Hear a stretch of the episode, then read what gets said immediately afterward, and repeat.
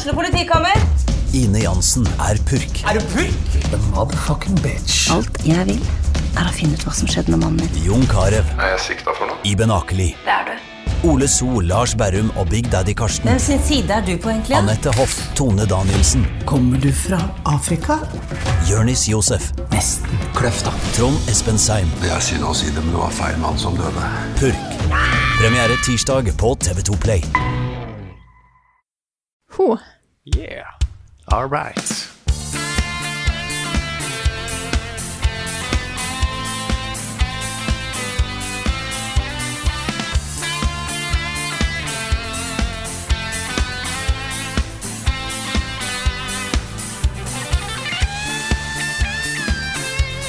Ho, ho, ho, og velkommen til litt av Level Up sitt jule...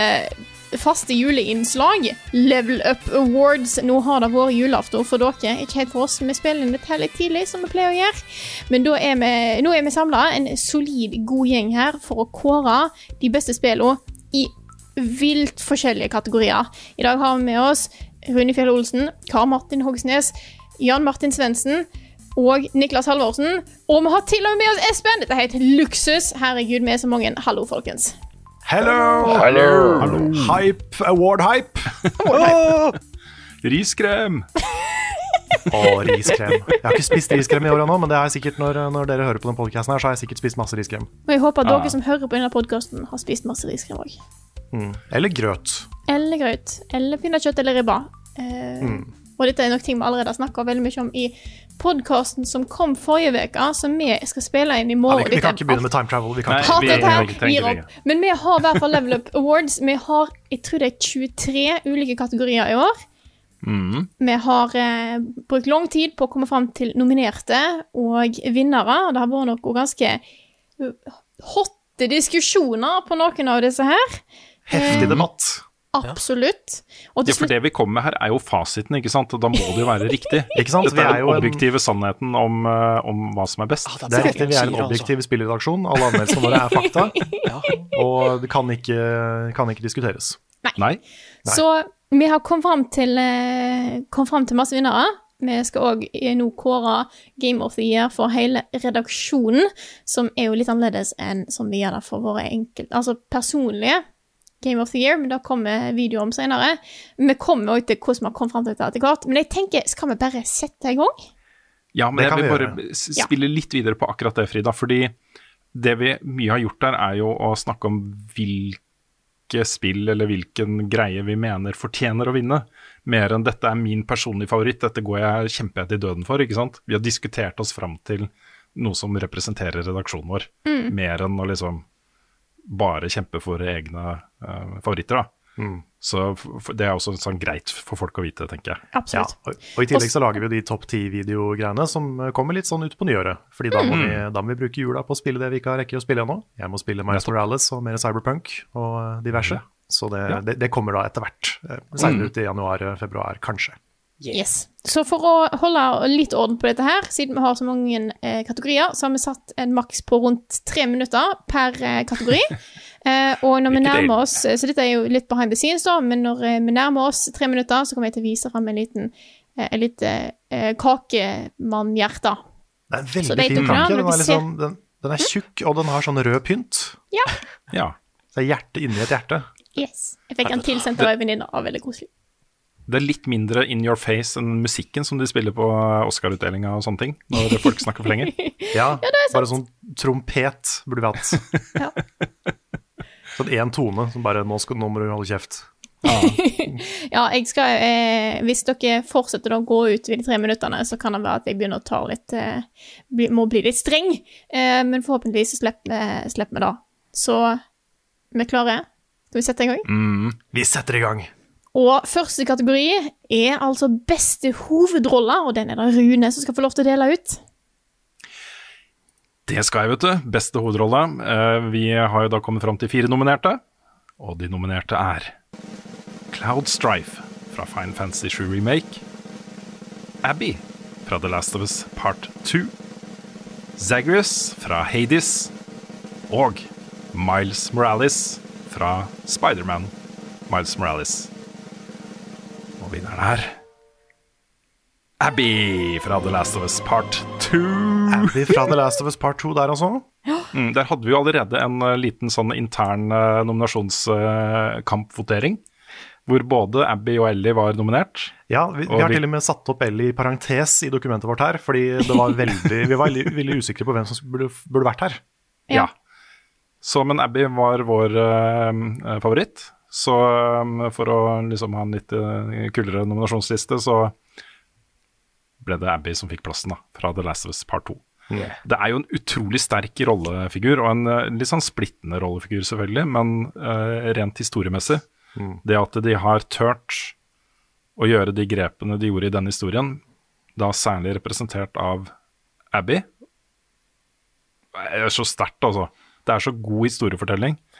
Ja, for, Jeg, eh, en, for en måte å komme inn i den historien på. Og bare deise inn i oppfølgeren uh, med en sånn introduksjon, og så skal du på en måte selge karakteren etterpå.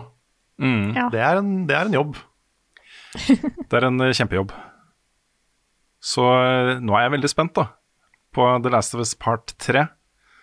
Hva også, Det er jo ikke off offisielt bekrefta at det kommer, men hvilken rolle vil da Abby og Ellie og Lev og de andre ha i en oppfølger? Det er jeg kjempespent på, altså. Så ja. Det er sant. Det var jo òg Det var fire veldig sterke nominerte her eh, i år. Det har vært mye gode karakterer. Vil jeg, eh, gode hovedroller i spill i år, vil jeg si. Mm. Ja, det var litt, eh, vi, vi var litt inne på både Cloud og Zagreus også, som var liksom De er jo De ser jo på en måte like edgy ut, begge to, men de har veldig forskjellig personlighet. Cloud Ja. er jo den derre Later som jeg ikke bryr meg, men egentlig så er jeg litt sånn, så sliter jeg litt. Og, og Zagreus er jo den derre Han ser mørk og mystisk og litt sånn frekk ut, men han er jo veldig sympatisk. Ja. Så det også er en morsom character. Og Miles Nick. Ja, altså, for jeg er jo mest der, så klart, på Miles. Uh, Ja. uh, men, men det er nok mer fordi at uh, nok en gang så fikk de til Spiderman, liksom. Mm. At det, det var ikke bare one trick pony, som det var i det første spillet. Selv om det var en annen karakter nå, så skjønte de fortsatt hva som var meningen med Spiderman. Og så synes jeg Og Miles Morales føles jo som en virkelig person, altså en eh, person med litt substans. da.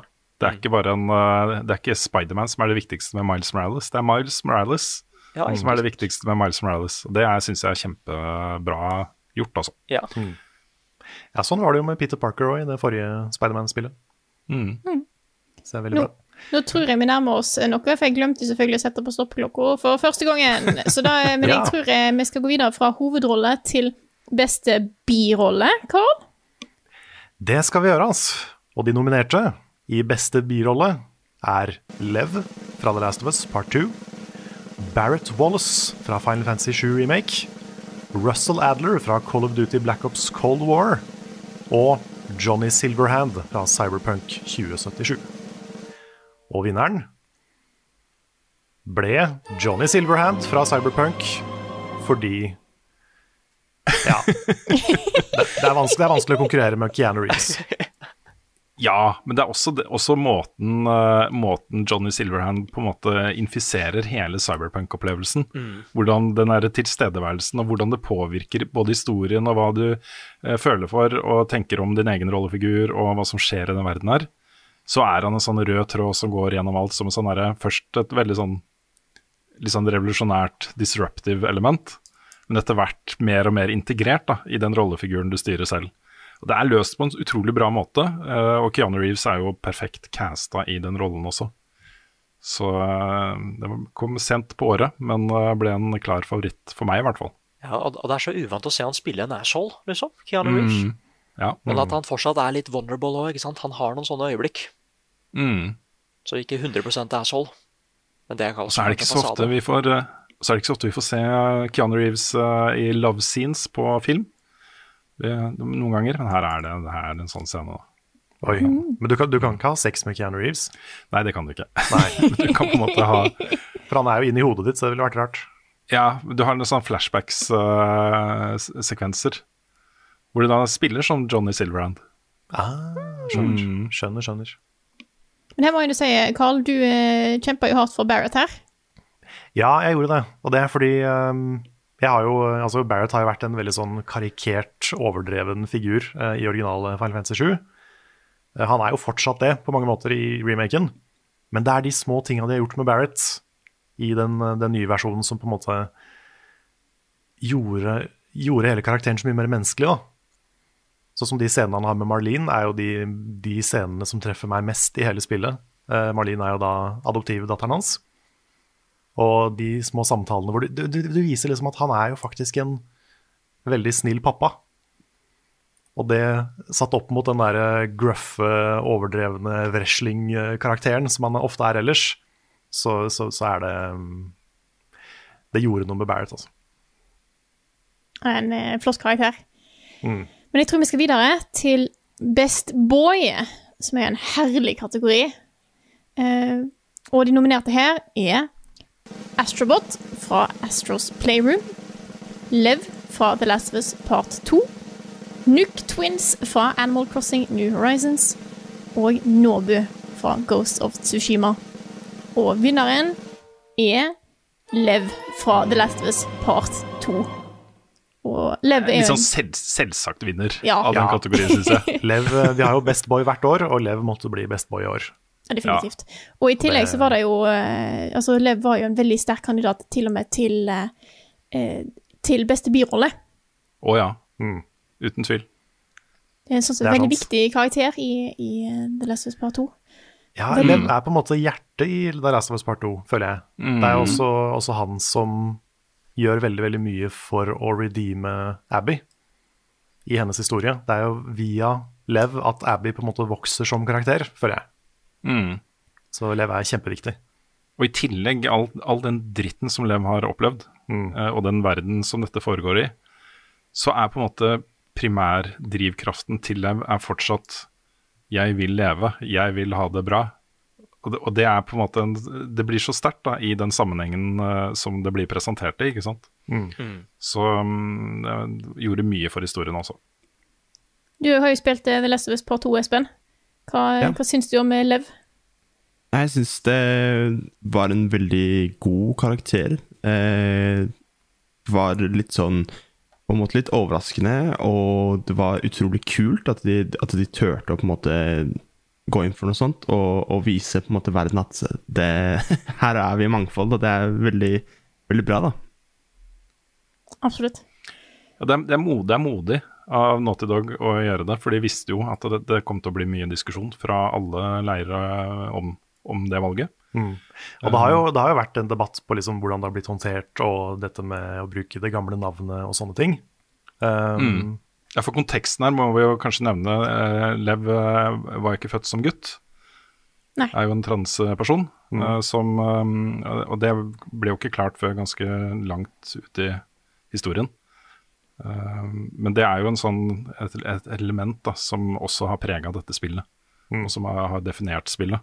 Så um, jeg, jeg, jeg respekterer veldig Naughty Dog for at de eh, tør også. Fordi eh, i det klimaet vi har i dag, er det ikke bare bare å gjøre sånne grep. nei, det er Absolutt. helt sant. Men først og fremst så, så er jo bare Leven en veldig veldig sterk rollefigur i den settingen her og den historien her. Og det var derfor Lev var best boy. Yes. Og Og så best... bare veldig Sorry, bare veldig kjapt for å nevne de andre. Uh, så har vi da Nobu er jo hesten i Ghost of Tsushima, som er en good boy. Astrobots er jo den lille søte roboten som han styrer i Astros Playroom. Og uh, Nook Twins er jo da de veldig søte små nukkene i, uh, i Animal Crossing. Ja. Ja. Så eh, de var, de var sterke kandidater, de også. Men det var Lev som vant. Men fra Best Boy til Best Girl, Nick. Ja, fordi eh, på Best Girl da, så har vi Vi snakka akkurat om Animal Crossing, for der er jo Isabel. Eh, og så har vi Erith fra Final Fantasy-remaken. Q fra Ori and the Will of the Wisp. Og Panam fra Cyberpunk. Og vinneren er da Erith fra Final Fantasy 7-remaken. Gratulerer, Erith. Og nå er det Mm. sikkert noen Tifa-fans som hytter med neven. Ja, for du var det sånn. Ja, fordi jeg har lyst til å fortelle litt om det. Ja. Uh, fordi jeg har alltid vært mer glad i Tifa enn Erith. I originale Final Fantasy 7 så var liksom, jeg syns Tifa var så mye kulere. Uh, hadde jo på en måte mer, mer dialog, og jeg følte jeg ble bedre kjent med henne. Um, mens Erith var litt mer sånn det var ikke, Hun traff meg ikke helt da, på samme måte. Men nå i Final Fantasy 7 Remake, så har jeg blitt Team Aerith, altså. Ja. Hun er så fantastisk i det spillet, og hun er så sassy og morsom og kul på en sånn måte som hun var litt i originalen, men ikke like mye. Så det, det de har gjort med Aerith i, den, i remaken, er bare helt fantastisk. Altså. Jeg bare Ja, for- elsker den karakteren nå. Ja, for jeg hadde jo ikke, jeg hadde ikke spilt originalen. Og jeg visste Nei. ikke at det var så mye sass. Det er masse sass. Ja, det er mye sass. Og det er litt spesielt, fordi, fordi hun har jo fått det der imaget som den der veldig uskyldige prinsessekarakteren. Ja, for det var det jeg trodde hun var. Ja, og det, det er sånn hun har blitt framstilt etterpå, etter Final Fantasy 7. I liksom Advent Children, i uh, Kingdom Hearts, i andre ting som hun har dukka opp i. da. Uh, men, men jeg føler liksom Square Enix har glemt litt hvem Aerith var, og nå har de funnet tilbake til det og gjort det enda mer. Og da funker det så bra. Yes. Ja, nei, det er altså Jeg tror jeg endte opp med å være Team Tifa etter Final Fantasy 7-remaken, men jeg syns Aerith er en utrolig kul karakter. Uh, jeg likte mer Tifa i originalen da jeg spilte det etterpå, men uh, Aerith er, er noe spesielt, altså. Så mm. Men jeg tror vi bare skal gå videre. Uh, og da, Espen, har du æren av å dele ut årets pus. Ja. Ja, eh, det skal jeg få til. Eh, det er da De nominerte i Årets pus er eh, Daffodil fra Spiritfarer, Spiderman fra Spiderman Miles of Morales, og så er det pusene fra Fun Fantasy-remaken, og så er det Chunky Pus fra Assassin's Creed Valhalla. Det Yes. og her, ifølge min liste, så har vi skrevet opp da to vinnere. Både Daffodil fra Spiritfarer og Spiderman fra Spiderman. Fordi vi hadde en ganske heftig diskusjon på akkurat det her, og den varte mye lengre enn de andre diskusjonene vi hadde. Ja, det var så typisk og Ja, det, annet. Det, ja, det er den Dette er kategorien vi ikke klarte å bli enige om Den videre. suverent mest uh, hardest bekjempa kategorien, altså. Ja, det Ja. var bra at vi Vi- var bak skjermen, hvis ikke så hadde det gått vilt for seg. Ja, vi begynte å sende hverandre gifs av disse pusene, bare for å Ja. prøve Ja, ja, å liksom overtale de andre om at eh, det er dette her som er den beste pusen. Mm. Men så fant vi ut da til slutt at det, alle pusene er jo den beste pusen. ja. Ja. Ja, Men det ble jo veldig greit å liksom dele den prisen her mellom Daffodil i Spiritfarer og Spiderman i Spiderman. Fordi de er jo så kule på hver sin måte. Ja, så Og så- er det jo de to pusene som har definert 2020, ikke sant? Ja, ja, ja. Men Men Daffodil er jo da en Ja, det er jo en uh, katt som du har med deg hele tiden. En følgesvenn. Som hjelper deg med ting, og som er der, og du koser med den når du vil. Og det gjør man liksom i det spillet her. Man blir ikke oppfordret til å gjøre det, men man gjør det bare automatisk. Så koser man med den pusen så ofte man kan. Den har masse personlighet, ikke sant. Mens da eh, Spiderman, eh, katten heter jo da Spiderman, med maske og greier. Eh, først skal, jo redde, skal du jo redde den i en eh, mission, og så eh, kan du få en suit, Spiderman-suit, med en, en ryggsekk hvor katten er oppi da og hjelper deg Ja. med å slåss og sånne ting. Det er jo så herlig, vet du. Er, ja, for du, du kjemper hardt for Spiderman, eh, Nick. ja, så klart jeg gjorde det! det jeg holdt på å si, bare det å ha et uh, kattepus-sidekick var nok, men det, det at liksom, det var ikke bare et skin, liksom. At han faktisk hjelper deg med å slåss. At han tar henda opp når du soser gjennom New York og sånn. Han har det skikkelig fett med å være med på turen.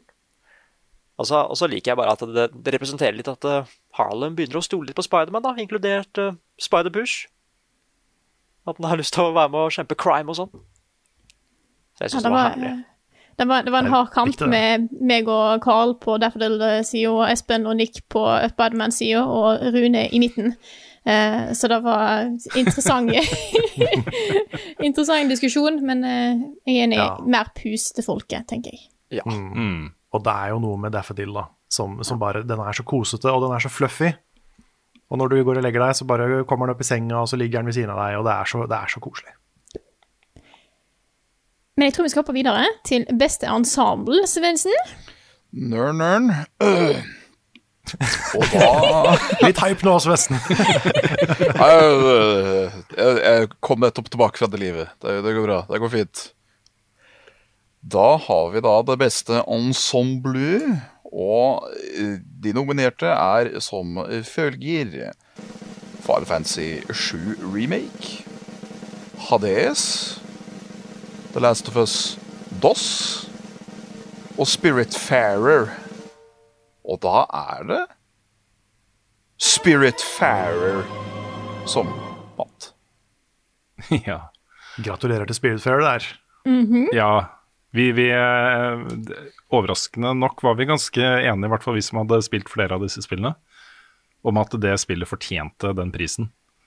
Fordi, og Det er jo litt fordi ensemblet i dette spillet er jo på en måte mye av poenget med spillet. Ja, det er spillet. Ikke sant? Ah, ja, Det er disse, disse karakterene som ikke, ikke helt har klart å gi slipp på livet og eh, starte veien videre. Mm, de har eh, uløste issues alle sammen, som du skal hjelpe dem med å løse, da, sånn at de kan gå videre. Du eh, opererer jo i, i sånn eh, mellomverden mellom livet og døden her. Det er vel Styx-elven fra gresk mytologi som er utgangspunktet for uh, design her.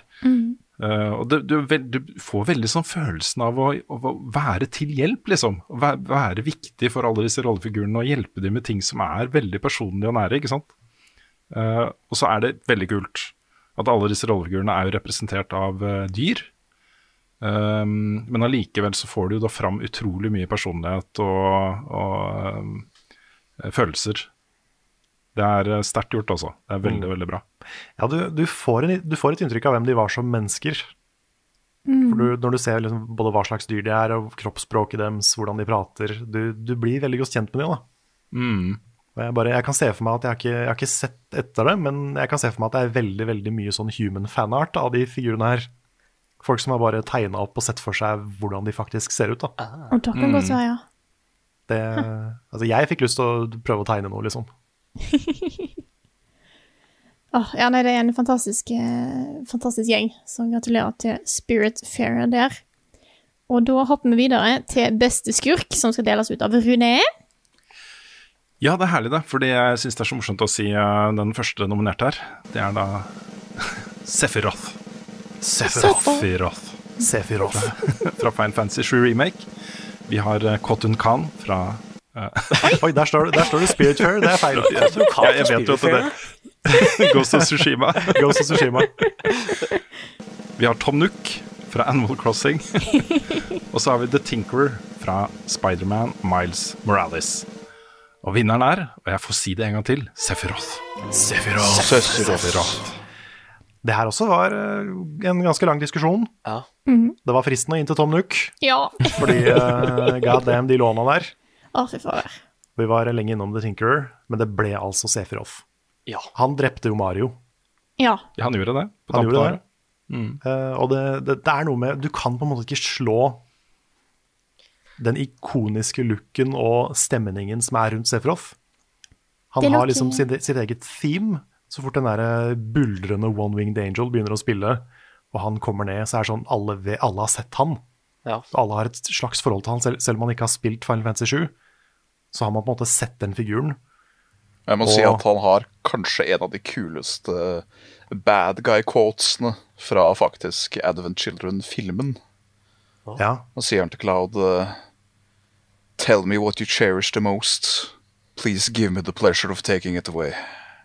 Oh, Oh, yes. Fikk en gåsehud. Yes. Han han er bare straight up uh, For en dusj. Ja, Kjempedusj. Men så er det noe med, med hvordan han blir eh, framstilt i Final Fantasy 7-remaken, for du vet liksom aldri helt hvor du Du vet ikke helt hvor du har han, for hver gang han dukker opp, så blir du usikker. Finnes han faktisk? Er han her? Er det andre som kan se han? Hva er det han vil? Hva, hvordan er det han påvirker Cloud? Eh, han er en veldig sånn mystisk karakter i tillegg. Ja, en sånn force of nature, på en måte. Ja. Og du vet at han er, en, han er jo på en måte en mann, for han har jo en bakgrunnshistorie som ikke det går så mye inn på i første remaken. Da. Men det er så stort hver gang han dukker opp. Og du merker det på Cloud at han får helt panikk. Det er akkurat som han får et panikkanfall hver gang noe Sefroth-relatert skjer. Ja. Og det er så stort, det er så tungt, liksom. Og det er det ingen andre bad guys i år som har fått til, syns jeg. Nei, han har liksom stukket av til Smash for å ha det fett der, så dukker han sjøl meg opp uh, i Smash. da, Sefroth. Ja, gjør det. Ja. God damn it, not again. Ja. Det, er ikke, det er ikke så lett å være Cloud, altså. Nei. Nei, det er hardt. Mm. Og da går vi, nå er vi ferdig med enkeltkarakterene her, så da skal vi videre til beste stilistiske stil, Carl. Det stemmer. Her hadde vi egentlig én kategori som het beste visuelle stil, men det ble for vanskelig, fordi det er så utrolig mange forskjellige visuelle stiler i spill. Så vi har delt opp, og da første nå er stilistiske stil. Og de nominerte er Spiritfarer, Hades, Ori and the Will of the Wisps og Kentucky Route Zero. Og det er jo fire veldig gode kandidater. Hvem som helst kunne stikke av med denne her, liksom. Det er jo vakre, nydelige spill alle sammen, men vinneren ble altså Ori and the Will of the Wisps. Yeah. Det er fett, altså. jo Det er jo en av de vakreste Oi, der datt eh, kakemann-timeren min i gulvet. Eh, det er jo en av de vakreste spillene jeg vet om noen gang. Mm. Eh, de bruker, bruker farger på en helt, helt annen måte enn eh, enn jeg har sett blitt gjort før. Mm. Det er pent. Her, særlig i denne kategorien kanskje, så handler det mye om, eh, om veldig sånn personlige preferanser også. Fordi min favoritt her er jo Kentucky Route Zero. Um, det, er, det er jo noe helt annet, liksom. Mye sort-hvitt og rette streker og uh, uh, uh, kjappe vinkler og skarpe kanter og alt dette her, liksom. Um, eh, som jeg satte veldig pris på, da. Um, men det er jo som du sier, Carl. Det er jo fire utrolig nydelige spill, dette her. Ja, Det er det. Samme med Spirit Fair. sånn, den har så, en så utrolig sånn flott, sånn myk, varm stil på hele spillet. Og måten de karakterene er animert på, og den katten, og det er liksom bare Det er så koselig, sånn gjennomsyra koselig. Ja. Så den også var høyt oppe, altså. Det er skikkelig Ja, det er som, det er som Frida sier, altså, de, de fargene i Ori er noe spesielt. Mm. Det sånn første ordet var fint, men nå føler jeg de har tatt fargebruk til et nytt nivå. Mm. Så da- Det har det. Jeg kåra det jo til årets vakreste spill i februar, eh, så And you're sticking to it. Ja, du slo gjennom med den. Ja. Oh. Så det var bra at jeg fikk lov til å øh, opprettholde den, holdt jeg på å si. Ah, men da skal vi videre til en veldig annen stil, eh, nemlig beste realistiske stil. Og dette handler ikke nødvendigvis om den som, det som ser mest realistisk ut, men det er den beste visuelle stilen innenfor kategorien ting som, begynner, som ser litt ut som virkeligheten, på en måte. Kind of. Veldig vagt. Men i hvert fall de nominerte er Microsoft Flight Simulator, The Last of Us Part 2, Ghost of Tsushima og Final Fantasy 7 Remake. Og vinneren er Ghost of Tsushima. Yes. Yes. Her var det også close, da. Ja. Veldig close. Jeg tror tungen på vektskåren ble uh, Nick og meg, som argumenterte heftig for at uh, også uh, Kurosawa Mode i Ghost of Tsushima måtte være med som en del av vurderinga her. Ja, for det, For det er amazing, altså. ja, fordi det er også en ting at liksom, jeg ser etter replay value i spill, som regel. Bare det at jeg kan spille et spill i sort og hvitt. Det, det sier litt, da, om den stilen. Mm. Og så er det ikke bare sort-hvitt. Det er på en måte sort-hvitt inspirert av filmene til uh, Kurosawa. Som jo hele spillene er inspirert av. Altså Hvis du ser de filmene, så er det jo, du finner jo historietråder som du har sett før da, i disse filmene, eh, også i spillet. Så det er helt tydelig hvor, uh, hvor dette her kommer fra. Men det er en sånn der, eh, både en eh, hommage og en veldig stilig ting å gjøre med et spill. At du har, du har disse blemishes på, på skjermen, liksom, fra filmrullene, ikke sant. Uh, og lys og uh, kontraster blir presentert på en sånn spesiell måte som da skal simulere uh, hvordan det så ut på kino når du så Kurosawas filmer da, i sort-hvitt. Det er dritkult. Og så er jo spillet ellers også bare helt latterlig lekkert, da. I farger. ja, jeg har tatt så mange bilder. Ja, fargebruken og fotomoden i spillet er veldig, veldig bra. Det, der er de på en måte helt på toppen. Mm. Men jeg må jo også si at vi har en interessant liste med nominerte her. Eh, Microsoft Flight Simulator, der hele spillet er lagd ut eh, fra satellittfoto, er det ikke det? Jo, men ikke helt. De har gått inn på enkelte byer og flyplasser og, og håndmodellert bygninger.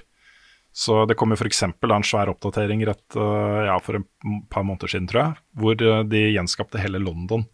Og da hadde de jo gått inn da, og manuelt liksom fått det til å se så pent ut som mulig, bygning for bygning, på en måte.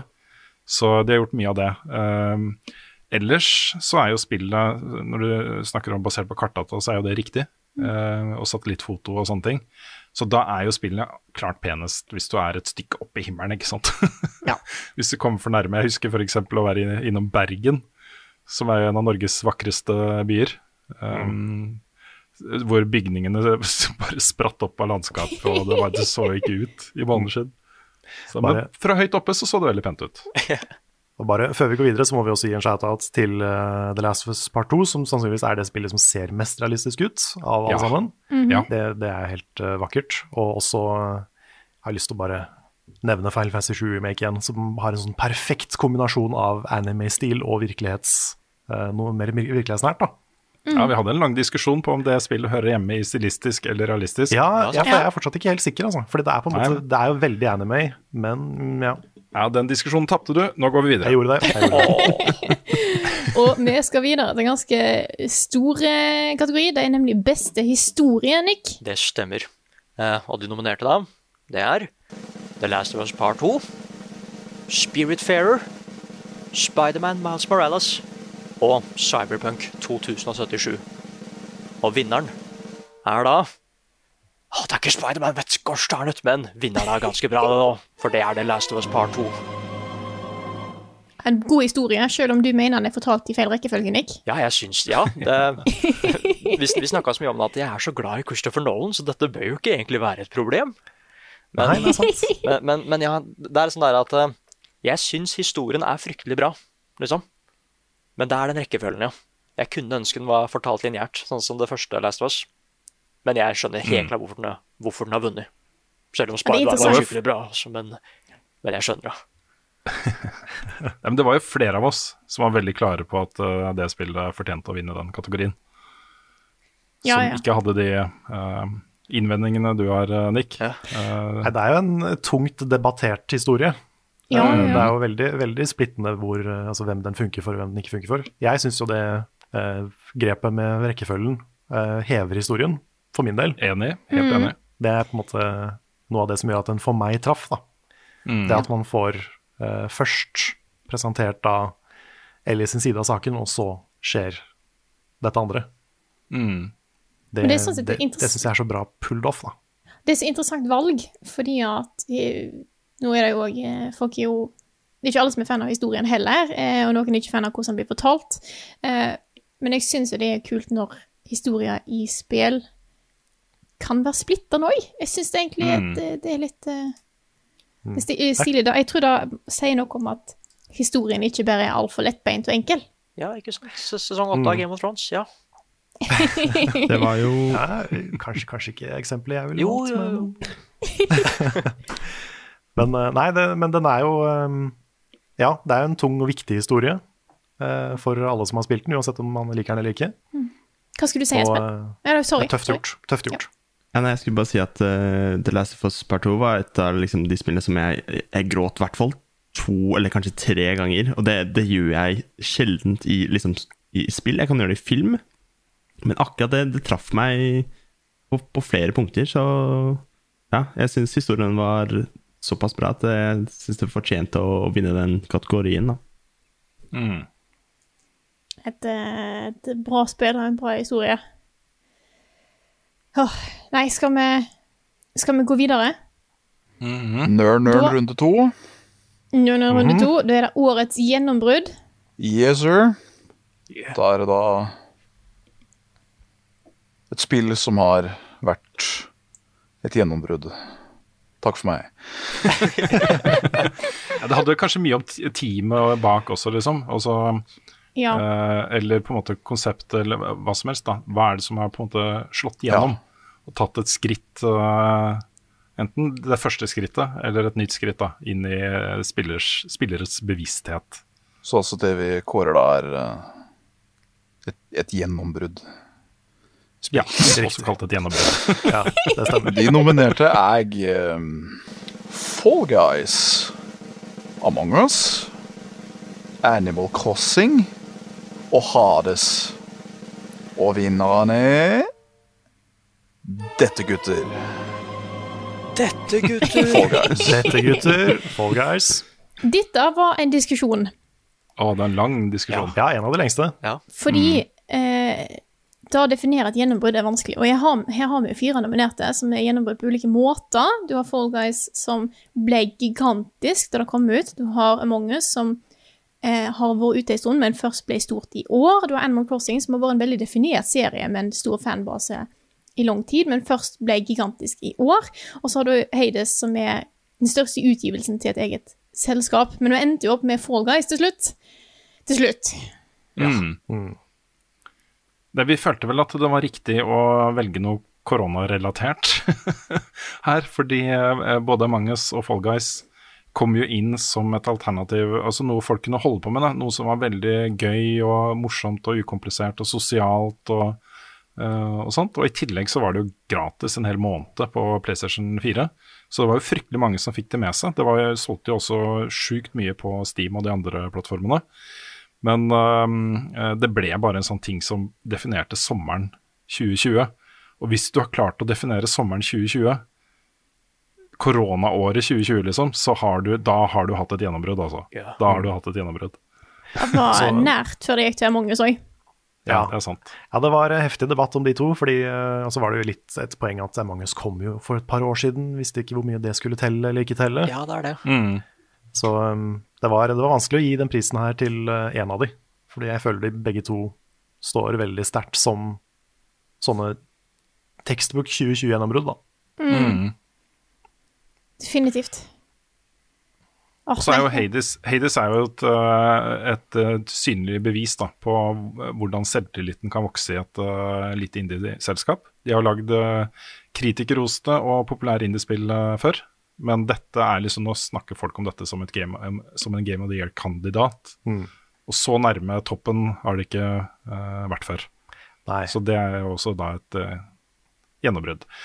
Frida vil gå videre, det er greit for meg. Stoppeklokka vil gå videre, så derfor må, Ja. jeg, eh, må jeg være litt streng. Har du Det ser ut som du har, tatt, har du tatt en bit av pepperkaka? Ja, jeg har egentlig det. Fordi jeg jeg har ikke fått spist lunsj ennå. eh, Og så innser jeg at hei, jeg har mat her. Sånn at jeg, jeg skal prøve å ikke okay, spise vi, opp hele. Før Nei, for da må vi gå videre så ikke Frida spiser opp hele kaka. Da har vi faktisk en tavlematch.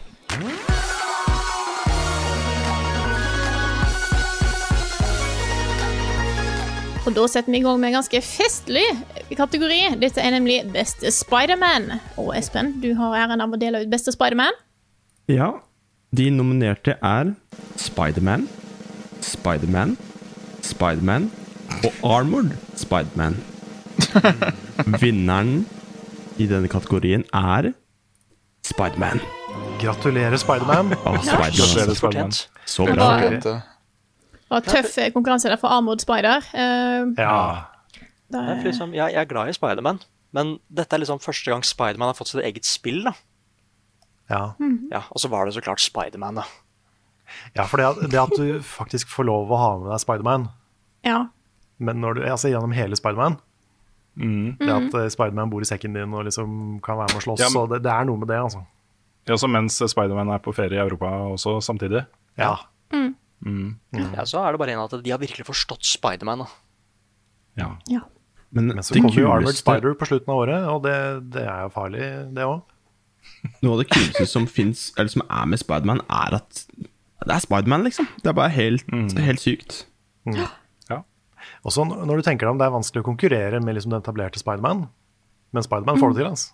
ja, det er helt sant. Spiderman nok- does what Spiderman can. Ja, Men det syns jeg også om Spiderman. Ja, jeg kan se den. Mm.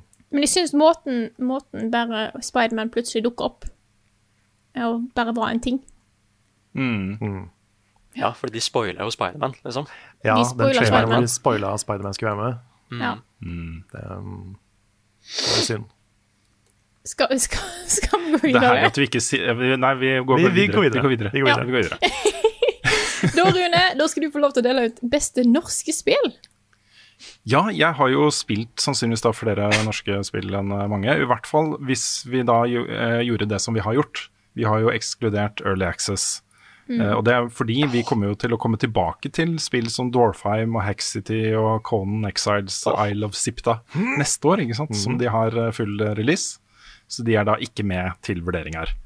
Eh, men de nominerte er da Hellheim Hassel, Mørkredd, Embracelet og Dude, Where's My Bear? Vinneren er Det her syns jeg er morsomt å kunne si. Hellheim Hassel. Fra Perfectly Paranormal. eh, Hellheim, også- yeah. Ja. Oh, yeah. Det er jo et herlig spill. Det er jo det. Jeg synes Det var, altså det kom jo en veldig veldig sterk konkurrent uh, på tampen av året, Mørkredd, uh, som også er kjempebra. Eh, men jeg syns det er også Hellheim Hassel er noe spesielt, fordi det er så unikt, og det er så prega av de som har laget det. Eh, og det er så gøy at de har fått til et svært beefy adventure-spill med liksom kule puzzle-mekanikker og masse bra humor, og de har egne sanger og alt mulig rart, liksom. Det er en ganske stor prestasjon, altså. Dette er et eh, labor of love som, som jeg ble fryktelig glad i. Så det er jo i stor grad jeg som har kåra dette her, da. Det må jo si det. ja, ja. Men, vi, men vi må jo også skyte inn, fordi nå har vi jo alle de tre barbarene her. Eh, Ja. Sve- Svendsen og Nick og meg. At vi har jo, det har jo prega året for oss, det spillet der. Vi har hatt det Ja. så utrolig gøy med å spille Konaen. Og eh, det kommer da flere episoder av De bra barbarer eh, snart, som vi har spilt inn. Så det spillet er, selv om det er real Access, så er jo det kjempegøy. I Mm. hvert fall å spille sammen med, med Svendsen og Nick. Ja, Det som er litt utfordringa med Early Access, er at ja, det, mange av de er kjempemorsomme å spille. Men sånn som når det gjelder Haxity og Dorfheim eh, og Con Exiles, det, det er jo features som skal være med fullreleasen som ikke er implementert ennå. Hele game modes og osv. Så, videre. så det er på en måte ikke den fulle, komplette opplevelsen. ikke sant? Og vi eh, skal jo anmelde disse spillene, i hvert fall de fleste, hvis vi eh, får mulighet til det. Så um, da får vi snakke mer om det neste, neste gang vi skal kåre årets norske spill. Men jeg må jo bare skyte inn at jeg syns det er veldig gøy at vi har noe i lista med, med fire kjempegode nominerte. Mm. Det er gøy for ja, norske spillmedier at det er så mye, det er så mye bra spill som kommer Ja, fra det- lille Norge. Det er noe med selvtilliten som jeg merker vokser nå hos uh, mange uh, av disse selskapene. For dette er stayere. De har holdt på i mange år. Og for hvert nye spill de lager, så blir de litt mer selvsikre og eh, flinke til å lage spill. Så det er det vi ser nå. De tar, har tatt et skritt videre i 2020. Så det er kjempegøy. Mhm. Og da skal vi videre til en kategori som tok oss godt Altså, vi, vi trong to dager på å bestemme den her. Ja. Det er sånn at vi fant, vi fant musikk til hverandre som vi skulle høre gjennom. Ja. Det var ikke alle som gjorde hjemmeleksa si, men det var, det var noen. Og det er da beste soundtrack. Og eh, det er fire nominerte. Vi hadde mange flere, men vi klarte å kutte det ned til fire. Og de fire nominerte er Final Fantasy 7 Remake, Tony Hawk 1 pluss 2, Ori and the Will of the Wisps og Ghost of Tsushima. Og vinneren, etter mye heftig debatt, ble Final Fantasy 7 Remake for beste soundtrack. Oh yes. Det stemmer. Og da var du som vippa det over, Nick. Ja, fordi jeg sto på Ghost of Tsushima uh, og var helt sikker på at uh, jeg skal bare sende dere de beste sangene, så får vi se hvem som vinner. men, men så hørte jeg denne her uh, Så kom jeg Carl hadde jo sendt denne her Airbuster Battle Theme fra Final Fantasy Remaken, da.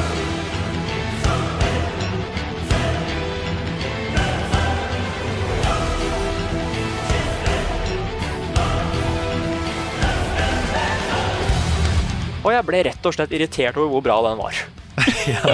For jeg, var- jeg var helt sikker på Ghost of Tsushima først. Åh, jeg hadde en følelse nemlig når jeg fant den sangen, at liksom, kanskje dette her er Nick sin Achilles hæl. Ja, men det var det. Det, det, Det det, var var, altså. så, det var så critical hit. Nei, fordi Ja. jeg, jeg var veldig sånn der at eh, remake-musikken er jo bygd opp fra den originale, liksom. Mm. De, er, de har jo hatt en bitte liten oppskrift de kan følge. Og derfor likte jeg Sushima kanskje litt mer, fordi det er bare, bare originalmusikk, liksom. Litt sånn som det også var i Ori, at det er mye som ligner der fra det forrige spillet. Men gosh darn, dette battle-themen der, altså. Og da bare begynte jeg å tenke på all den andre musikken òg. Mm. Jeg er veldig glad i de der spillene som bruker de samme sangene på forskjellige måter. Altså liksom Ja. den, den samme låta, men forskjellige versjoner. Mm. Det er helt, helt Enig. Det har, eh, God bruk det av musikalske liksom, temaer. Ja, de Ja. liksom spiller en personlighet på en helt annen måte. Og det, det har Final Fantasy alltid vært veldig gode på. Og, eh, sånn som One Winged Angel, hvor du kan høre strofer fra One Winged Angel i andre sanger. Og da vet du at det betyr at uh, Sephiroth is around. Ja. Og uh, bare Airs theme er jo eh, ikonisk. Tifas theme er veldig kjent. Og main theme er jo der. Det er liksom Det er så mange slagere, da. Så mange fine sanger. Mm. Pluss noen helt sjukt fuckings badass battle themes. ja. Oh, og yes. Jeg, jeg, jeg er skikkelig svak for opera, operasangere, ikke sant? og det har dessverre ikke Ghost of Tsushima. Så Nei, det er ærlig må jeg være. Mm. Det er ganske mye operasang i Final Fantasy 7. Ja. Og det er så fett. Ja, and there's gonna be more, Nick. Ja, det er sant. Ja. Så bare helt til slutt, jeg vet at vi må gå videre snart, men Yes. Tony Hawk 1 pluss 2 er jo også et eh, veldig ikonisk soundtrack, fordi eh, det er jo det gamle soundtracket, ikke sant? Pluss da noen nye sanger som også, um, som også nailer den tonen som Tony Hawk har. Så derfor så var det også en eh, viktig nominert her. Det er jo sanger som har betydd mye for meg da jeg var fjortis, og som eh, fortsatt jeg kan høre på og, og digge. Og jeg syns at Ori and the Will of the Wisp har et fantastisk soundtrack, så det var, eh, det var hard kamp mellom mm. Ori og Final Fantasy 7 for min, min del òg. Ja, for det er Men- kjempefint. Ja, men jeg tror vi hopper videre til en relatert ting, nemlig beste låt. Her har vi satt opp følgende nominerte. Airbuster Battle Theme fra Final Fantasy 7 Remake. Take On Me fra The Last of Us Part 2. Lady Masako fra Ghost of Tsushima. Og I'm Ready fra Spiderman Miles Morales. Og vinneren er, etter mye diskusjon, Take On Me fra The Last of Us Part 2. Kan jeg da få lov til å begynne med et spørsmål? Ja. Jeg, eh, jeg, jeg forsov meg fra hele plenumsdiskusjonen eh, som har ledet til eh, alle, alle avgjørelsene her, så jeg må bare sånn Jeg må, jeg må stikke opp en liten finger en gang iblant. Ja. Jeg har jo veldig lite erfaring med Last of Us 2 sjøl. Er det Er det a-ha med Take On Me? Ja. Det er det, ja. Det er Ellie som synger en akustisk, veldig sånn nedstrippa versjon da, Ah, så av. Take On Me. Talking away. I don't know what I'm to say. I'll say anyway. med sine egne følelser, og du kan høre det også på stemmen hennes i låta. At uh, noen av de tingene hun synger, har ekstra sterk betydning for henne personlig. da Ah, Uh, Hvor stemmen bryter litt og, og sånt. Og det er Det er en helt fantastisk scene. Jeg må bare nevne da at jeg meldte meg ut av denne diskusjonen fordi jeg har ikke så mye erfaring med de andre tingene. Men når vi begynte å diskutere Take On Me, så meldte jeg meg litt på igjen, bare for å komme med min input. for jeg syns jo denne låta her er, var jo en av de sterkeste opplevelsene i spillet. For det den representerer, ikke sant. Det derre pastell 80-tallet, eh, uten bekymringer, ikke noe pandemi, ikke noe zombier, eh, hvis de er zombier. Um, og en sånn lengsel i Ellie. Eh, hun synger jo til kjæresten sin, og det er liksom Det er så mye følelser, og så perfekt bruk av den låta, da. Så um, Vi var også inne på Future Days her, som også er en uh, veldig sånn ikonisk Last of Us Part 2-sang. Men uh, endte opp med å bli Take On Me. Den var bare hakket mer, hakket mer emotional, kanskje. Hakket Ja. mer uh, Hakket mer Last of Us Part 2. Det er jo interessant, for dette er jo en scene som ikke du må gjennom. Jeg Nei, den scenen. Mm. Ja, jeg måtte sende den Jeg sendte den eh, som en fil til Carl Ja, du gjorde da det. han satt og spilte det.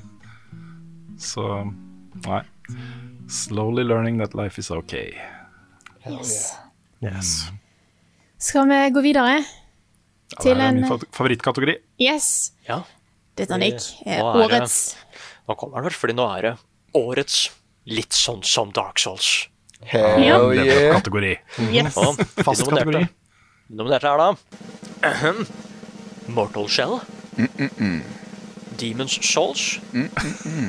Men Demons Det var Demons Ja, vi kommer tilbake til forklaringen. Eh, Crash Bandicut 4. It's about time. Ja. Og Assassin's Creed Valhalla. Og vinneren er da Demons Souls. Oh yeah! Shit, crackle and pop. OK. Eh, Følg med. Bli, okay, bli med oss på den tankerekka her nå, folkens. Ja, for jeg også har dette litt av her. Ja, fordi Crash Bandicoot er jo what, what the hell? Ja, hvorfor Det er er det, hvorfor er det Nei, vet du hva? Nei, hvorfor har ikke den vunnet? Det er det jeg tenkte på. Men ja, nei, det, jeg jeg syns de to siste er en stretch, for å si det mildt. Men det kom ikke, det kom ikke så mange Souls-likes i år. Og så måtte bare fire nominerte. Ja, Ja. og så har vi gitt den til Demon Souls. Ja, for det er jo ikke Dark Souls, men det er jo, det er jo litt sånn som Dark Souls. Det er jo det, og så er det jo, for vi har jo tidligere ekskludert FromSoft her. Fordi Ja. vi- Sekiro kunne ikke vinne litt sånn som Dark Souls. Nei. Men tydeligvis, da, siden dette er Blue Points, Det er Blue Point Studios som har laget dette. så har han så har han sniket seg med. Ja, Blue Point Point er ikke FromSoft. Nei, hvis du går på siden her, så utvikler. Det står bare Bluepoint. Mhm. Jeg slenger jo på um, Jeg skal anmelde dette her for NRK. Da slenger jeg på From Software. For de har jo, de har jo lagd eh, oppskriften, liksom. Ja. Så, um, eh, men det er jo Bluepoint som er utvikler, så da kunne vi kåre et Souls-spill som et litt sånn som Dark Souls. Ja.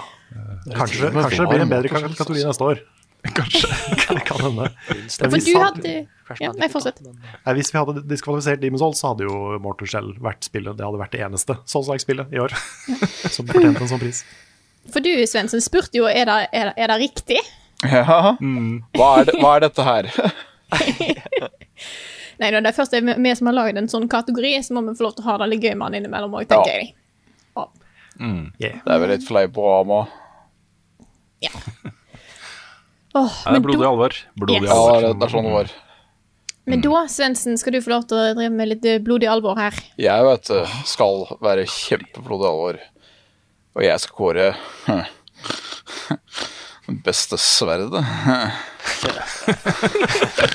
Det var veldig creepy. Da ble jeg litt ukomfortabel. Og de nominerte og da, da, er ikke, da, er ikke, da, er ikke, er ikke noe overført betydning. Det er det beste sverdet. Det er uh, Oh yeah, I'm gonna slap you into the, into the ground with my big ass uh, sword. Yes. Yes, you know, welcome. Så da er det eh, Skal vi se Dragon Bone Crusher fra Demon Souls. Det er uh, Bustersverdet fra Final Fantasy. Og så er det Sakari Katana. Jeg vil tippe at det er uh, Ghost Shishima. Tsushima. Shishima, ja, det stemmer. Og så er det Delement. Hva er det for noe? Destiny 2 Beyond Light. Ja, okay. Det er det feteste sverdet, da. Det er så kult. Ah, gotcha. Jeg skal snakke litt mer om det etterpå. Ja. Og da er vinneren klassikeren, et av de mest kjente sverdene gjennom tidene. tidene, Bustersverdet. The Buster Sword. The Buster Sword. Men det er jo da, det er jo en av de mest ikoniske sverdene som er der. Ja. ja du, Frida, du spilte gjennom hele spillet med Buster Sword, gjorde du ikke det? Jo, det gjorde jeg. Jeg Ja. eh, tenkte når jeg først skal spille Final Fantasy 20 første gang, så skal jeg, og kan bruke Buster Sword, så går jeg for Buster Sword Hell yeah. hele veien. Det er veldig, veldig 90s, føler jeg. Ja. Det er jo en sånn murstein av et sverd som er så Det er ikke så mye design. Det er liksom bare en kloss som er svær og skarp. Kjempediger Og sverd. Ja, og som Altfor tung. Cloud- Ja, somehow kan jo Cloud bare ha det på én hånd. Ja, han bare- har da. Han har jo det. Garantert inspirert av uh, Dragon Killer fra Berserk. Fra. Berserk. Ja, det gir mening. Hmm. Det er litt morsomt den kategorien her også, fordi den heter jo originalt Beste våpen slash gadget. Ja. Og så har vi, har vi skrelt den ned til Beste sverd. Ja. Det var bra sverd i år. Det var det. Eh, Dragon Bone Crusher er jo et, um, et uh, sjukt kult våpen, både fordi det er kjempegøy å bruke det.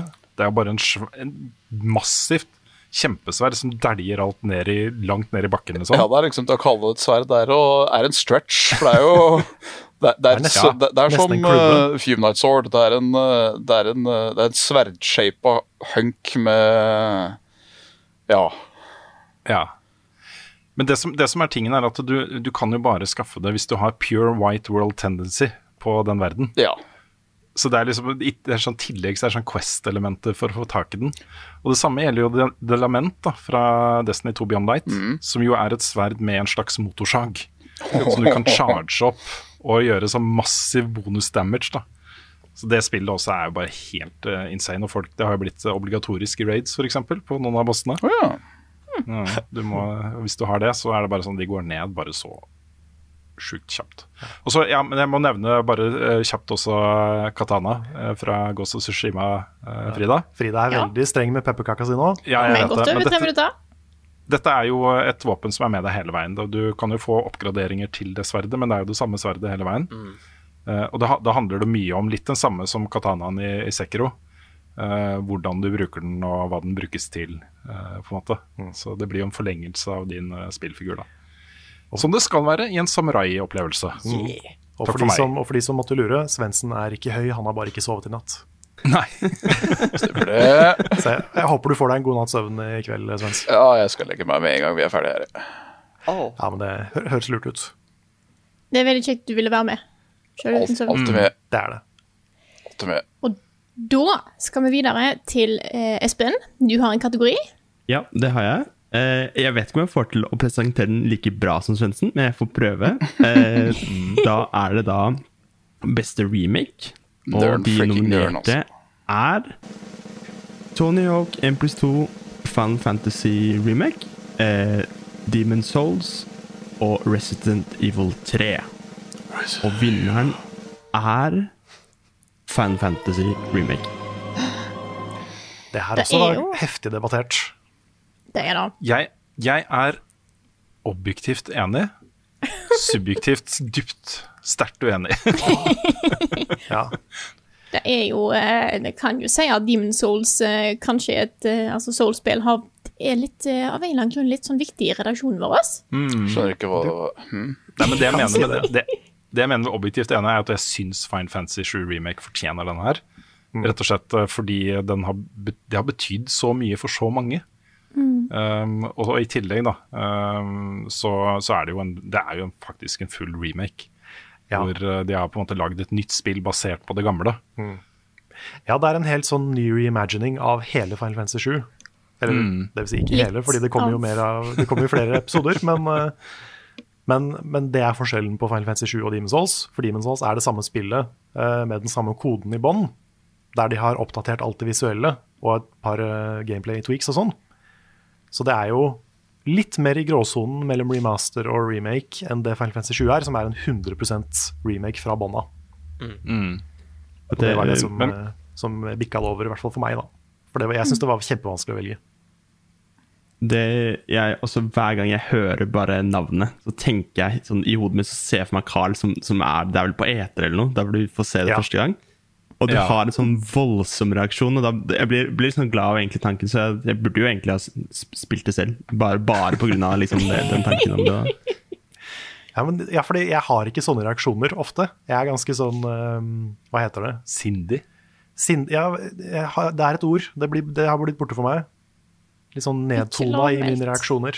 Ja. Ja, vet du hva sindig betyr? Jeg trodde det, men nå ble jeg usikker når du sa det. Ja, Det er ned, nedtonet. Det ville vært et bra synonym for Cindy. Ja, ja da er det kanskje Cindy. Ja. At jeg har liksom ikke de der voldsomme Oh my god! Verken når jeg skvetter eller når jeg blir glad eller lei meg eller noe. ting. Cindy. Uh, så jeg er, en, jeg, er en dårlig, ja, jeg er en dårlig YouTuber, sånn sett. Um, men på Final Fantasy 7-remaken så fikk jeg det. Og det er en av de største opplevelsene jeg har hatt på, av, av spillrelaterte ting når vi var på E3 og det ble annonsert. Og det brølet som kom fra salen. og så er det faktisk bra, da. Om ikke Ja. perfekt, så er det liksom en, et et dritbra spill. Og innfrir på så mange måter. Så ja, det, det, det er bare rett og slett uh, the biggest deal. Det er en ganske big deal. Så får vi se når, eh, hvor mange år det er til neste del da kommer. Ja, jeg hadde et håp om at vi skulle se noe på Game Awards, det gjorde vi ikke. Vi får se. Men da går vi videre til neste karakter. Rune, du har et eh, litt eh, indiespillkategori her å dele ut. Ja, dette er jo en eh, kategori som har vokst fram da, som en ny level up-kategori i løpet av året. Hvor vi begynte å se en del tematiske likheter. Jeg bare nevner først at jeg hadde en liten eh, kamp her for å inkludere um, et, Ja, jeg kan ta det etterpå.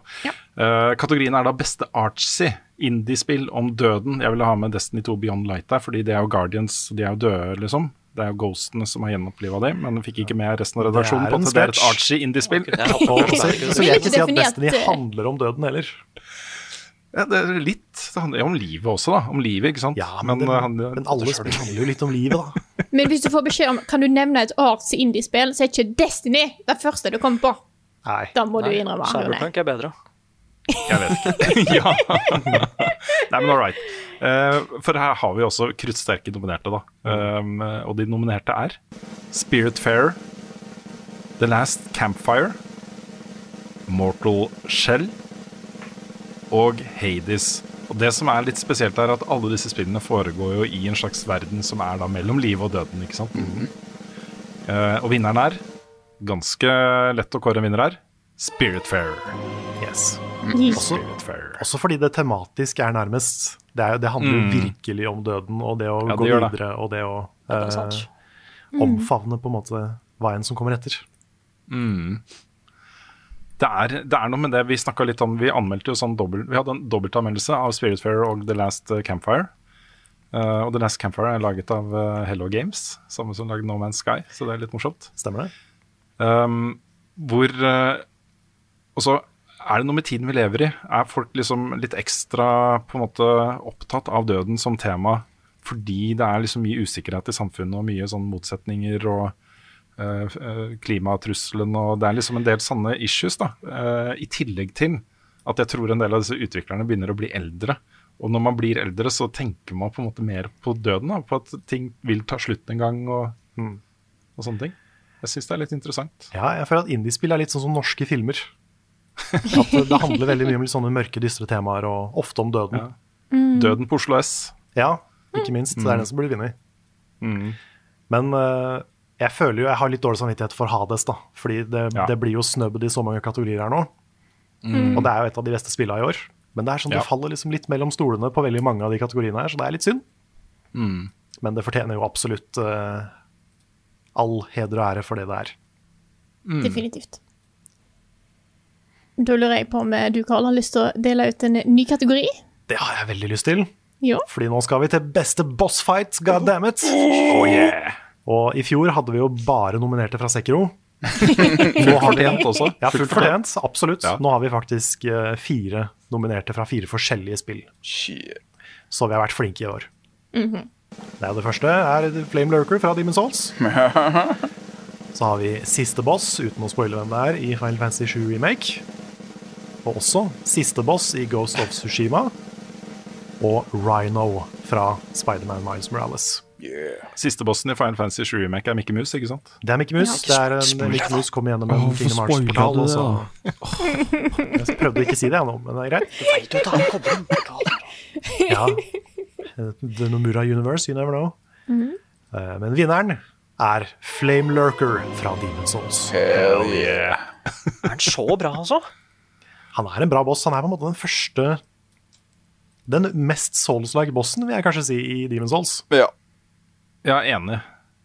Og det er, det er flere elementer der, fordi du kommer gjerne dit uh, Du opplever det i hvert fall som om du, her må jeg være fullstendig underlevela første gang du møter Flamelurker. Det aller første møtet i din aller første gjennomspilling av Demon's Souls. Når du kommer dit, så er det bare sånn Hvordan i svarte helvete skal jeg klare å ta den bossen her? Og så Jeg slår og slår på den, jeg får inn masse slag, men det, det, helsebaren går jo pokker meg ikke ned, omtrent. ikke sant? Og han nyser på deg, liksom, så tar han halve livscella. Ja, så det er en sånn der utrolig seig tålmodighetsprøve hvor du må liksom ha nok helse med deg, for det første. Og for det andre så må du liksom være taktisk og klok og ikke eh, stresse og holde deg rolig og studere angrepene. Og du må liksom virkelig, virkelig angripe den bosskampen som en puzzle, da. Eh, og det er på en måte da en bosskamp blir ekstra morsom, syns jeg, da, i Souls-spillene. Enig. Så, så det, er en, det er en skikkelig sånn manndomsprøve for både kvinner og menn. da. Kvinndomsprøve? ja, det- K- Kvinnedomsprøve. Kvinnedomsprøve. Eh, det, er det er her du på en måte uh, Kommer du deg gjennom den, så er du, da, er du, da tar du platinum i Demon's Souls. Det er ikke langt unna, i hvert fall. Nei, men, Nei. ehm, nei, fordi Demon's Souls er fullt av sånne veldig eksperimentelle bosser som har nye konsepter og nye ting. Men Flamelurker er den bossen som på en måte ble blueprinten for resten av Souls, Ah, føler jeg. det er kult. Det er Ja, jeg føler det litt sånn, jeg også. Mm. og til en viss grad Maneater, men, de, men eh, enda mer Flame Lurker. Ja, Maneater er så bugga i uh, Demon's Souls. Ah, den A1 er ikke god, seg så altså. rart. Ja, det er den, jeg synes den vanskeligste fighten, Maneater. Ja, den er kjempevanskelig. Når de oppfører seg sånn som de skal, så er den kjempevanskelig. Før vi går videre, så har jeg lyst til å bare ta For det var en, det var en annen intern diskusjon i den kategorien her, og da var hva slags bossfight fra Spiderman Miles Morales du skulle ha med Nick. Ja, det stemmer. Mm. Fordi det er jo Rhino er jo den første bossen, men det er en tutorial-boss, liksom. Eh, men så var det også The Tinker. Mm. Eh, og det er jo den store skurken i Miles Morales. Um, for for begge, begge er veldig kule bosser. Men uh, grunnen til at det er for meg, da, at det vippa litt mer over til Rhino, er fordi at eh, jeg, jeg liker hele sekvensen der. Med at det, det er kanskje Mm. Slutten er en klassisk boss fight, liksom. At du skal slåss mot Rhino. Men det er en svær sekvens med at eh, ja, han løper jo gjennom byen, og du må stoppe den. ikke sant? Og jeg er veldig glad når liksom gameplay og sånne cinematiske ting blir blanda sammen. da. Um, Mm. Og Derfor så endte jeg opp å velge Rhino fremfor The Tinker, selv om Tinker er en dritkul boss. I agree. Da skal vi videre til en skikkelig nedtur. Vi skal nå kåre årets største skuffelse. Og de nominerte er Warcraft 3 Reforged. Da. det nye ansiktet til Peter Parker. Gjette hvem som har nominert den. Beholdningen av nye konsoller. Og skal jeg, skal jeg si det som står her, eller? Jeg gjør det. Ja, her har vi skrevet Cyberpnuk eh, på PlayStation 4 og Xbox One. Jeg tror det skal stå Cyberpunk, men det ble Cyberpnuk. Men det er jo ikke det samme spillet ikke sant, som det er på PC, så jeg Nei. syns det er greit at det staves Ja, på en litt annen måte. Mm. Ja, det er Ja. Cyberpnuk 1987. For du, du, Rune, gikk jo til og med ut i radioen og sa at dette var en skandale. Ja, ja, ja. Uh, vinneren er da Cyberpnuk Ja, på shit. PS4 Xbox. Glemte å nevne det. Jeg trodde vi hadde liksom allerede bare Ja. Ja, men det, det måtte nesten bli det, selv om det er jo uh, Det her er jo ikke gode kandidater, det er veldig dårlige kandidater uh, i den kategorien her. Eh, men dette, dette, er, dette er en skandale. Vi snakker mange millioner forhåndssolgte eh, solgte, eh, eksemplarer. Også på PlayStation 4 og Xbox One. Um, eh, I forrige episode av podkasten, det skal vi snakke om i morgen, så kunne du høre at, eh, at CD Projekt Red har gått ut og sagt at nei, alle våre utviklingskostnader og markedsføringskostnader er allerede betalt de, fra forhåndskjøp av spillet vårt. Da, da er det en skandale. Dette er jo jo et helt annet spill enn det jeg har spilt eh, på PC. Eh, Ja, for- og det flyter Fordi anmeldere fikk jo ikke tilgang til eh, PS4 og Xbox One-versjonen før eh, launch. Nei, og det, man, jeg tenkte når jeg fikk den beskjeden, uh, når jeg fikk nei da, på forespørselen om å få teste det på konsoll, og, og også beskjed om at det flyter best på PC, så tenkte jeg at ok, det er sånne forskjeller mellom de som man vanligvis har i denne type spill. Det er litt, kanskje litt lavere framerate og noen bugs, liksom. Men det er jo et annet spill. Ser, også, du mister jo hele denne innlevelsen i Night City eh, ved å spille PS4 og Xbox One-versjonen. Så, og det, det er en skandale. De har gått ut selv også sagt at vi burde kanskje ikke ha lansert den versjonen. Det var, den var kanskje ikke ferdig. Og det er det, Sånn kan det ikke være, altså. Sånn kan det bare ikke være. Og det er Så, sånn um, Nå er jo sånn teknisk sett sånn, så er jo det et indie-selskap, men i alle praktiske formål så er eh, CD Projekt Red et såpass stort studio at dette her burde ikke skje, Nei, det burde ikke det. Det burde ikke skje. Det er en, det er en skandale. Det er det også. Og så øh, går det an å ha to tanker i hodet samtidig. Fordi Cyberpunk på PC fortsatt er en av de beste spillopplevelsene jeg hadde i år. Så øh, det er trist, da. Jeg syns først og fremst det er litt trist. og så um, føler jeg meg litt brukt som en, en del av en uh, kampanje for å skjule den sannheten for uh, spillerne. Så det føles ikke godt. Da skjønner jeg godt. Mm. Men da skal vi videre til eh, en som vi ikke har avgjort sjøl, nemlig folkets favoritt, Nick. Ja, øh, fordi jeg veit ikke Jeg vet ikke hvor mange som ble nominert av spill her. Nei, jeg, det, jeg, jeg syns vi burde ha med noen nominerte. Kanskje vi skal bare Jeg skal Spørsmål, Ja, fordi tingen er at ha- Egentlig så er det sånn 30 nominerte der. Fordi vi har jo, vi har lista opp massevis av spill uh, som uh, vårt, vårt publikum på Patreon kunne stemme på. Mhm. Ja. Og det er 179 som har stemt. Oi, oi, oi.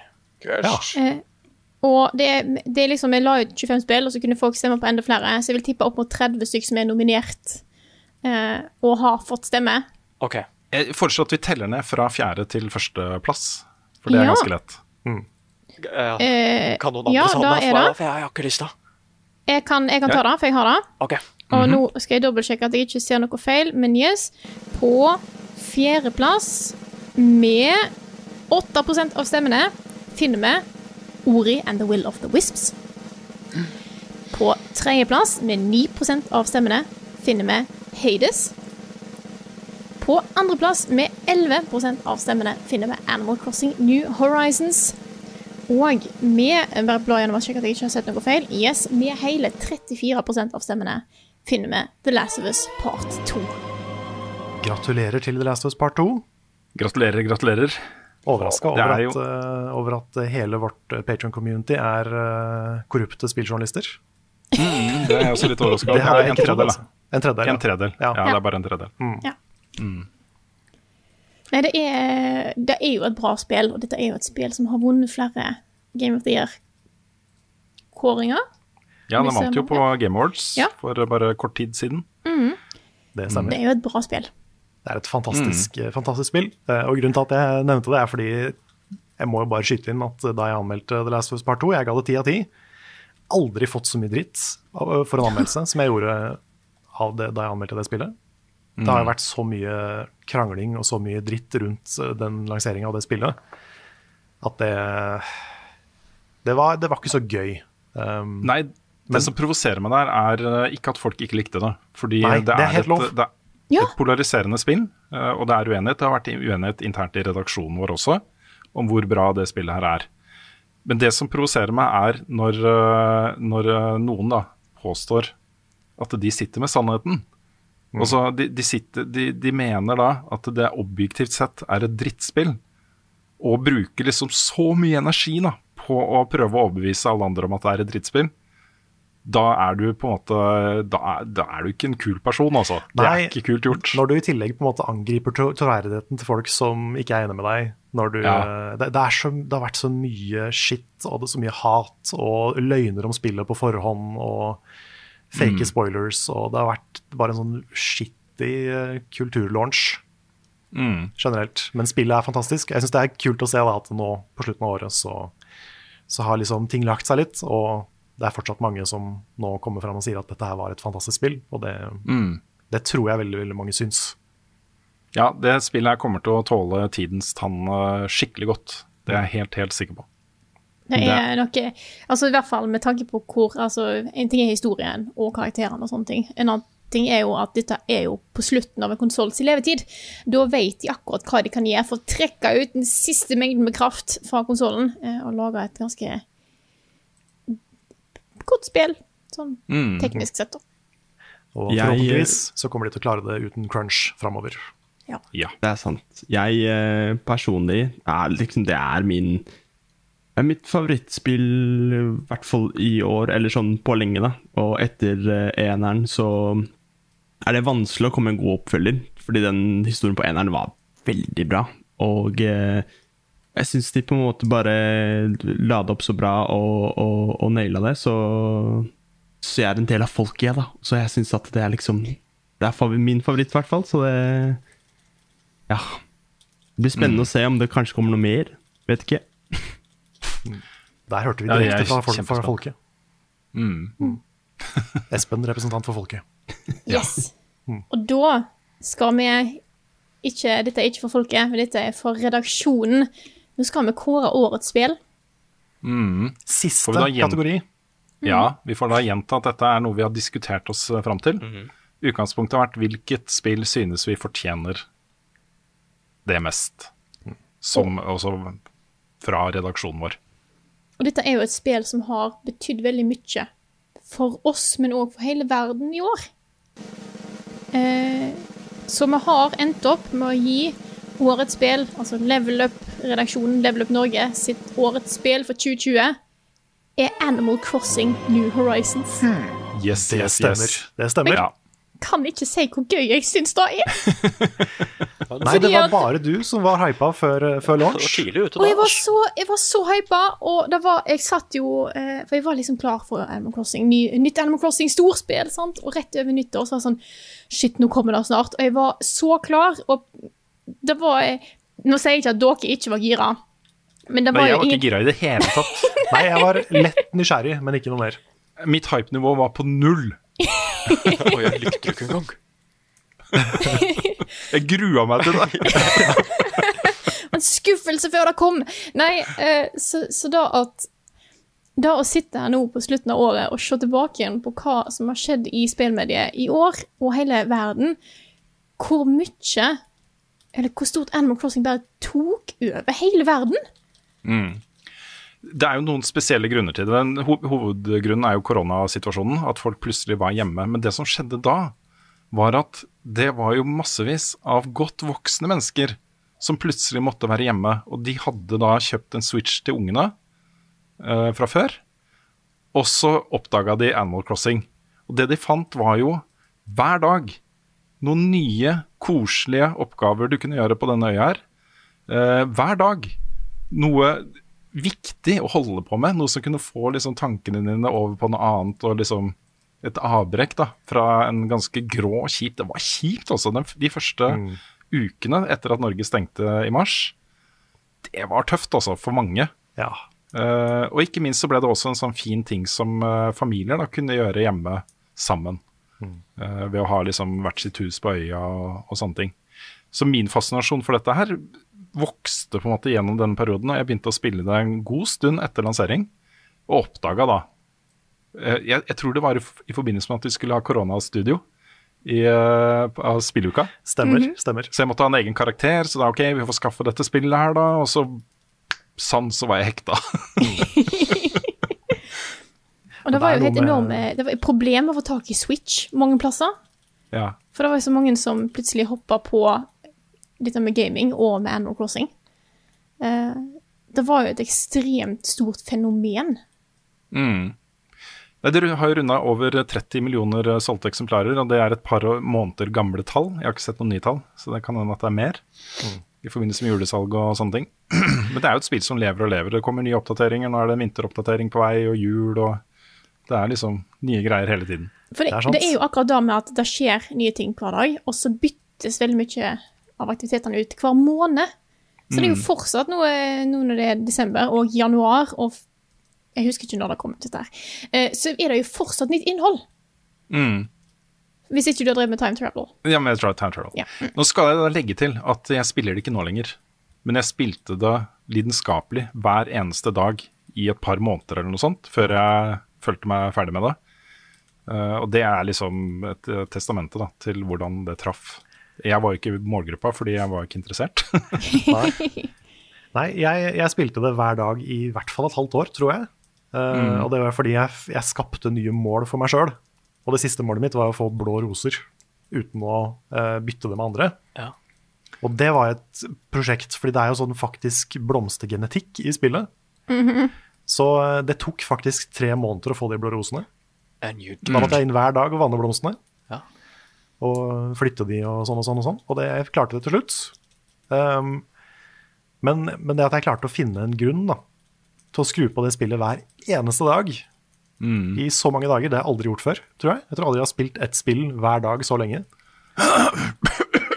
ikke jeg heller. Nei, ikke, ikke Rune heller.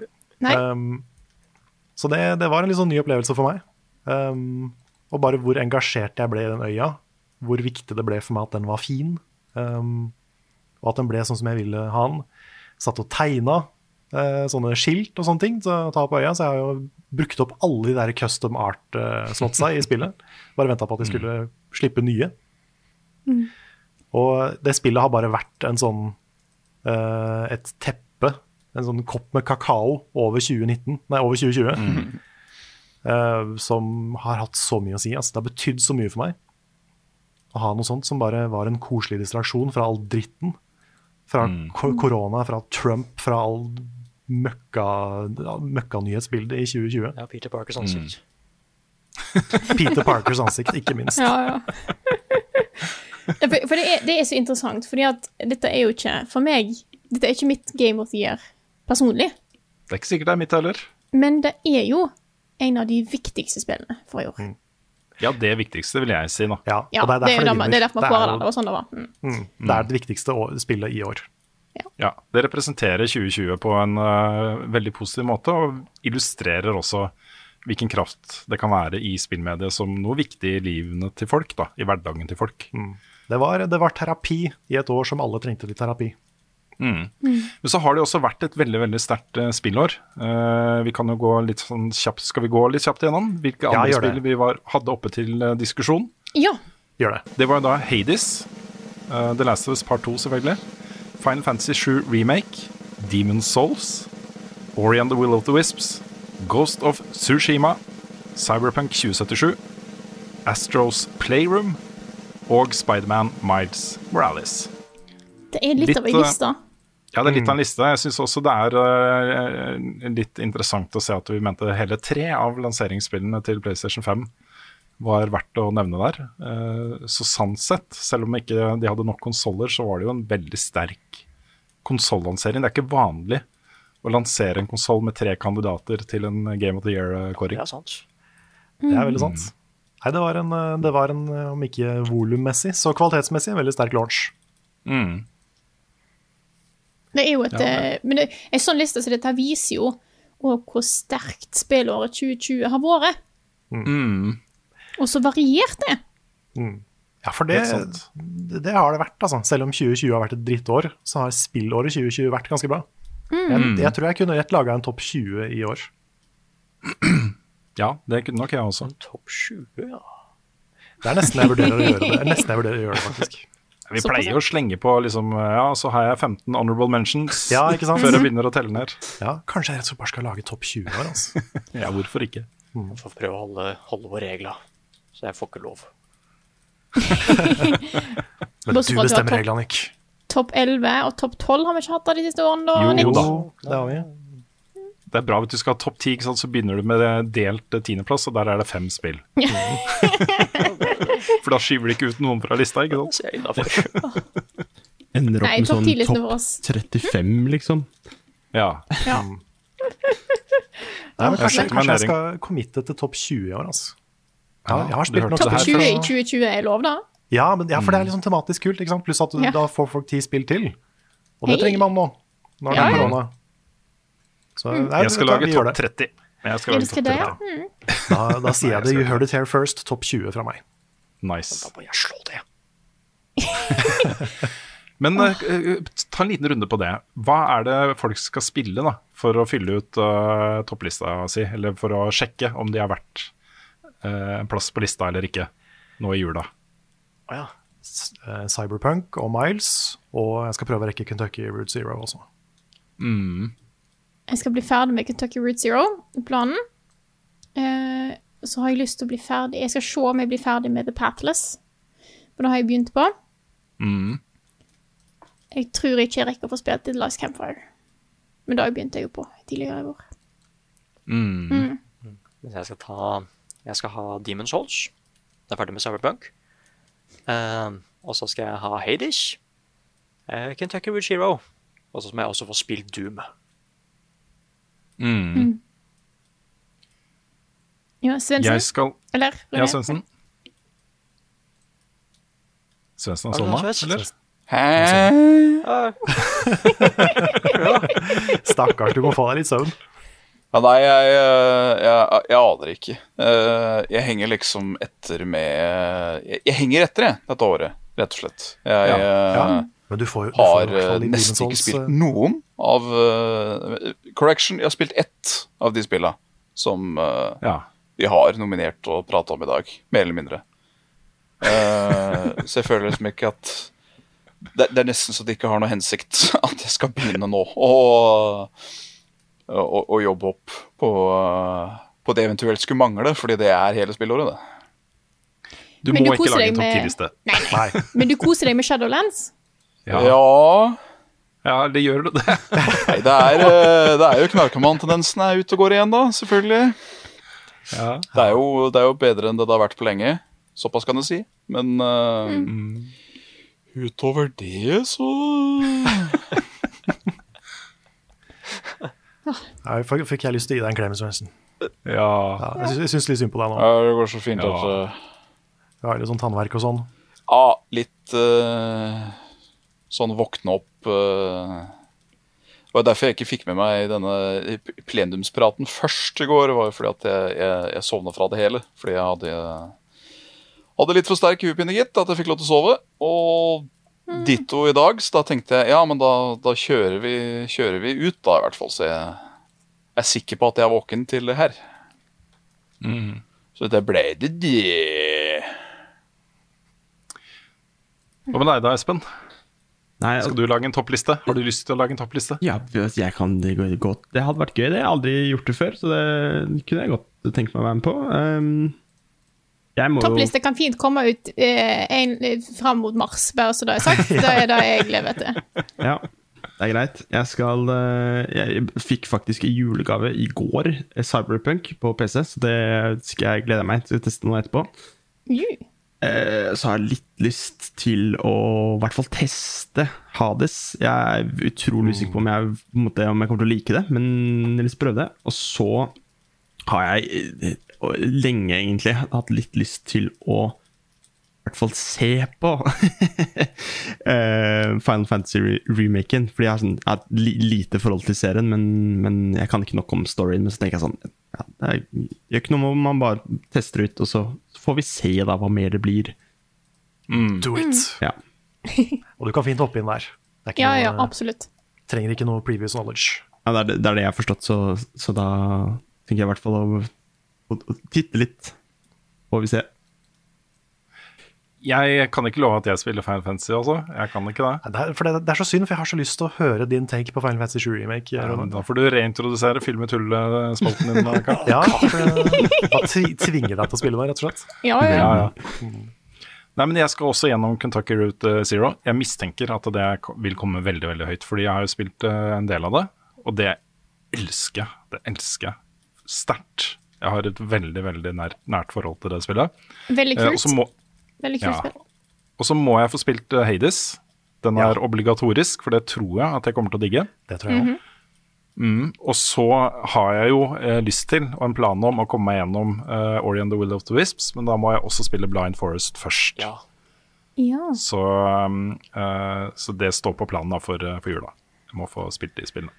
Det høres ut som har en koselig, koselig jul, altså. Ja, ellers har jeg tenkt å komme meg gjennom eh, Assassin's Creed Valhalla, for der har jeg ikke runda, runda spillet. Jeg skal nå òg si at eh, det, det er noe spill som er på planen min, som jeg må ta mens jeg har en PlayStation. Eh, så det blir jo ikke når jeg drar hjem til jul. Men da tar jeg med meg Switchen, og vet du hva? Jeg har lyst til å begynne på Breath of the Wild igjen. Så da, da er planen min. Kos. Mm. Mm. Det spillet har jeg spilt gjennom og nesten 100 av tre ganger. What?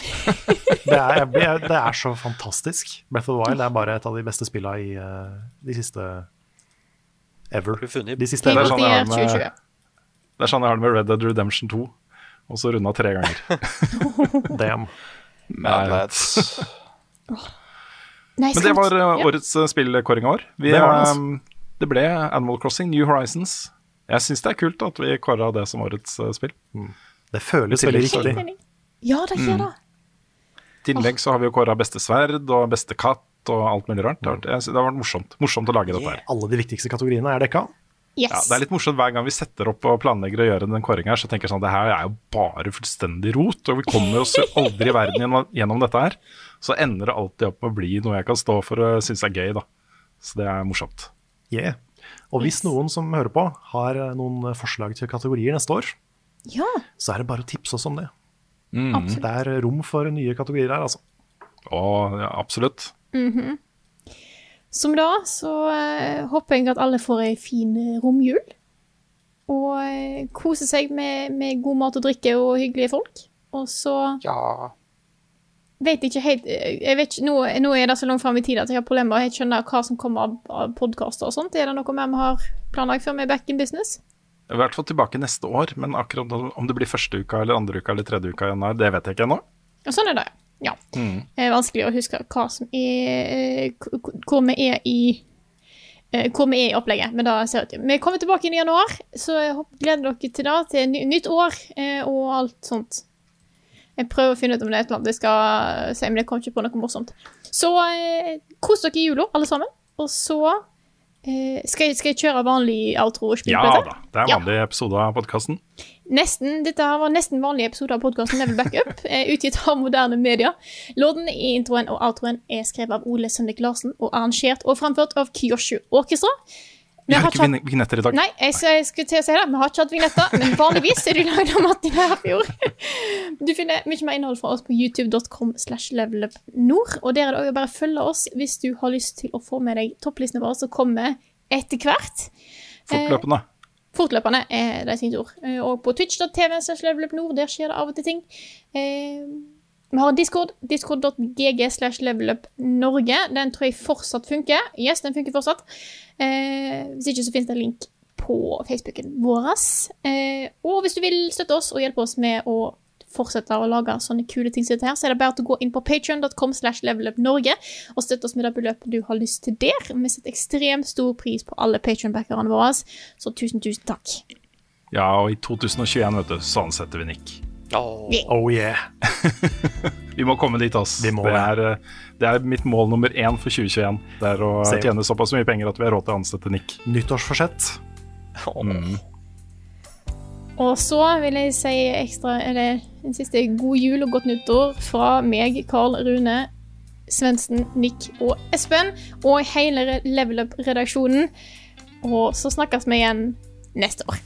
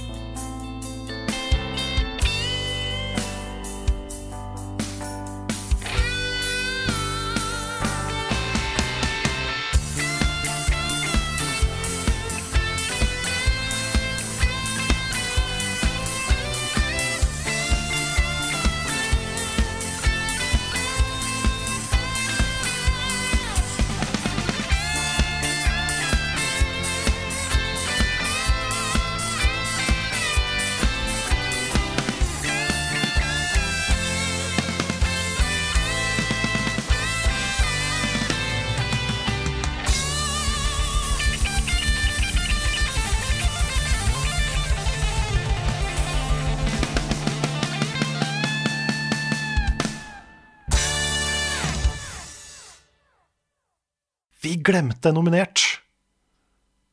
Cyberpunk vant jo for eh, beste customizable penis.